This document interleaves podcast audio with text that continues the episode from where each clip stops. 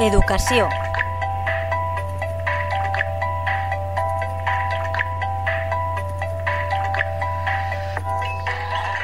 Buenas tardes amigos.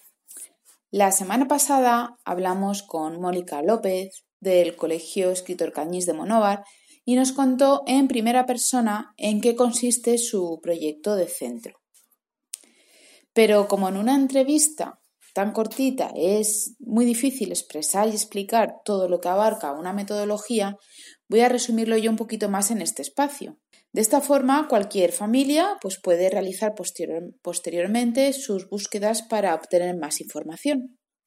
El primer punto a aclarar, y como bien explicó Mónica, la metodología se llama Escuela Viva y Activa. Su origen se remonta al siglo XIX, cuando John Dewey defendió que la educación era un proceso social que prepara al niño para la vida en sociedad. Veamos, pues, punto por punto algunas de estas características. El primer punto eh, es el rol del educador. Este debe ser observador para ver el ritmo de aprendizaje de cada niño. Debe estimular la realización de preguntas y de que se hagan las respuestas. En este caso práctico, el profesor va anotando qué habilidades va superando cada niño cuando está con él. Siempre son grupos más reducidos que la escuela tradicional y elegidos por los propios niños. Eh, siempre a través de actividades previamente organizadas, el docente observa y enseña a cada niño. Los espacios que utiliza cada profesor varía dependiendo de la actividad que se usará para esa materia. Por ejemplo, si para la asignatura de inglés o para enseñar inglés eh, se van a trabajar en este caso, enseñar los colores en inglés, los números en inglés o las formas, pues se puede realizar la clase en un rincón con piezas de construcción, se me ocurre, ¿no? y a los niños, pues eh, a esa clase irán acudiendo conforme van superando y eligiendo actividades. A lo mejor el que llega ahora, pues es el que ha terminado otra clase de matemáticas, otra actividad en la que se les está enseñando matemáticas o ciencias o otra cosa. El docente así, pues va anotando niño por niño si va superando esas habilidades de aprendizaje, si ese niño pues está superando el enseñarse los colores en inglés. Y así eh, se realizarán las evaluaciones posteriores. Otro de los puntos a analizar pues es el alumno. El alumno por su parte debe ser la parte activa. Será el alumno quien decida qué actividad quiere realizar a qué espacio quiere ir, cuándo empieza y cuándo termina la actividad y por qué, siempre claro con los límites establecidos y controlados por el docente. También es el propio alumno quien toma nota de cada actividad en su única libreta anual.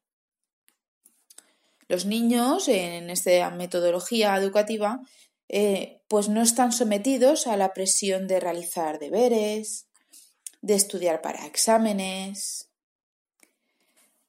Y en cuanto al ámbito curricular, que es otra de las cosas que se diferencia de la escuela tradicional, es que se adapta a las necesidades del niño, es decir, que se eh, utilizan técnicas de grupo o herramientas que van a incitar a la investigación que no van a estudiar esto porque sí, sino que eh, para estudiar algo de ciencias, por ejemplo, pues voy a tener que investigar o realizar una actividad que me demuestre el aprendizaje que yo estoy teniendo. En resumen, esta metodología permite al niño que avance en su educación, en su enseñanza, a través de actividades y de experiencias que está viviendo y los hace responsables de su crecimiento académico, siempre respaldado por el docente, claro. Lo que he podido comprobar cuando estuve en el colegio es que las aulas están más abiertas, que hay creación de ambientes, A lo mejor un aula puede tener dos, tres, incluso cuatro ambientes diferentes, que los niños están donde deciden, que se mueven más libres entre las clases, en los pasillos, eh, que ya no todos caben en sillas, sino que pues hay otros sitios para sentarse, pues pueden haber cojines en el suelo, taburetes. También he comprobado el entusiasmo del claustro de profesores y la alegría de las mamis y los papis cuando acompañan a, a sus niños a las aulas. Ahora bien, como metodología educativa, debería poder ser una opción a elegir en todos los niveles, desde educación de tres años hasta las universidades. Para que esta educación cumpla con los objetivos de formar a los niños para una sociedad competitiva, una sociedad mm, que exige trabajos de equipo, es una sociedad necesitada de resolución de conflictos, de búsqueda de respuestas, pues debemos terminar eh, toda la etapa educativa, o al menos la etapa obligatoria, con la misma metodología, ya que, pues en edades tan tempranas como puede ser quinto o sexto, los niños pueden no comprender o no asumir que sí, en quinto y en sexto no tengo deberes porque en el instituto sí. ¿Cómo van a enseñar a, esos niños a, a estudiar en un futuro tan inmediato? ¿Cómo van a gestionar ese cambio? Si no hay mm, ¿Cómo van a gestionar ese cambio de metodología? Todos, todos tenemos el derecho a elegir la educación de los niños.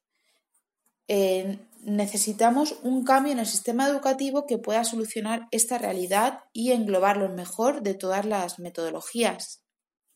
Si eres o has sido alumno de una escuela viva y activa, o si eres papi o mami, cuéntanos tu experiencia. Un saludo y hasta la próxima semana.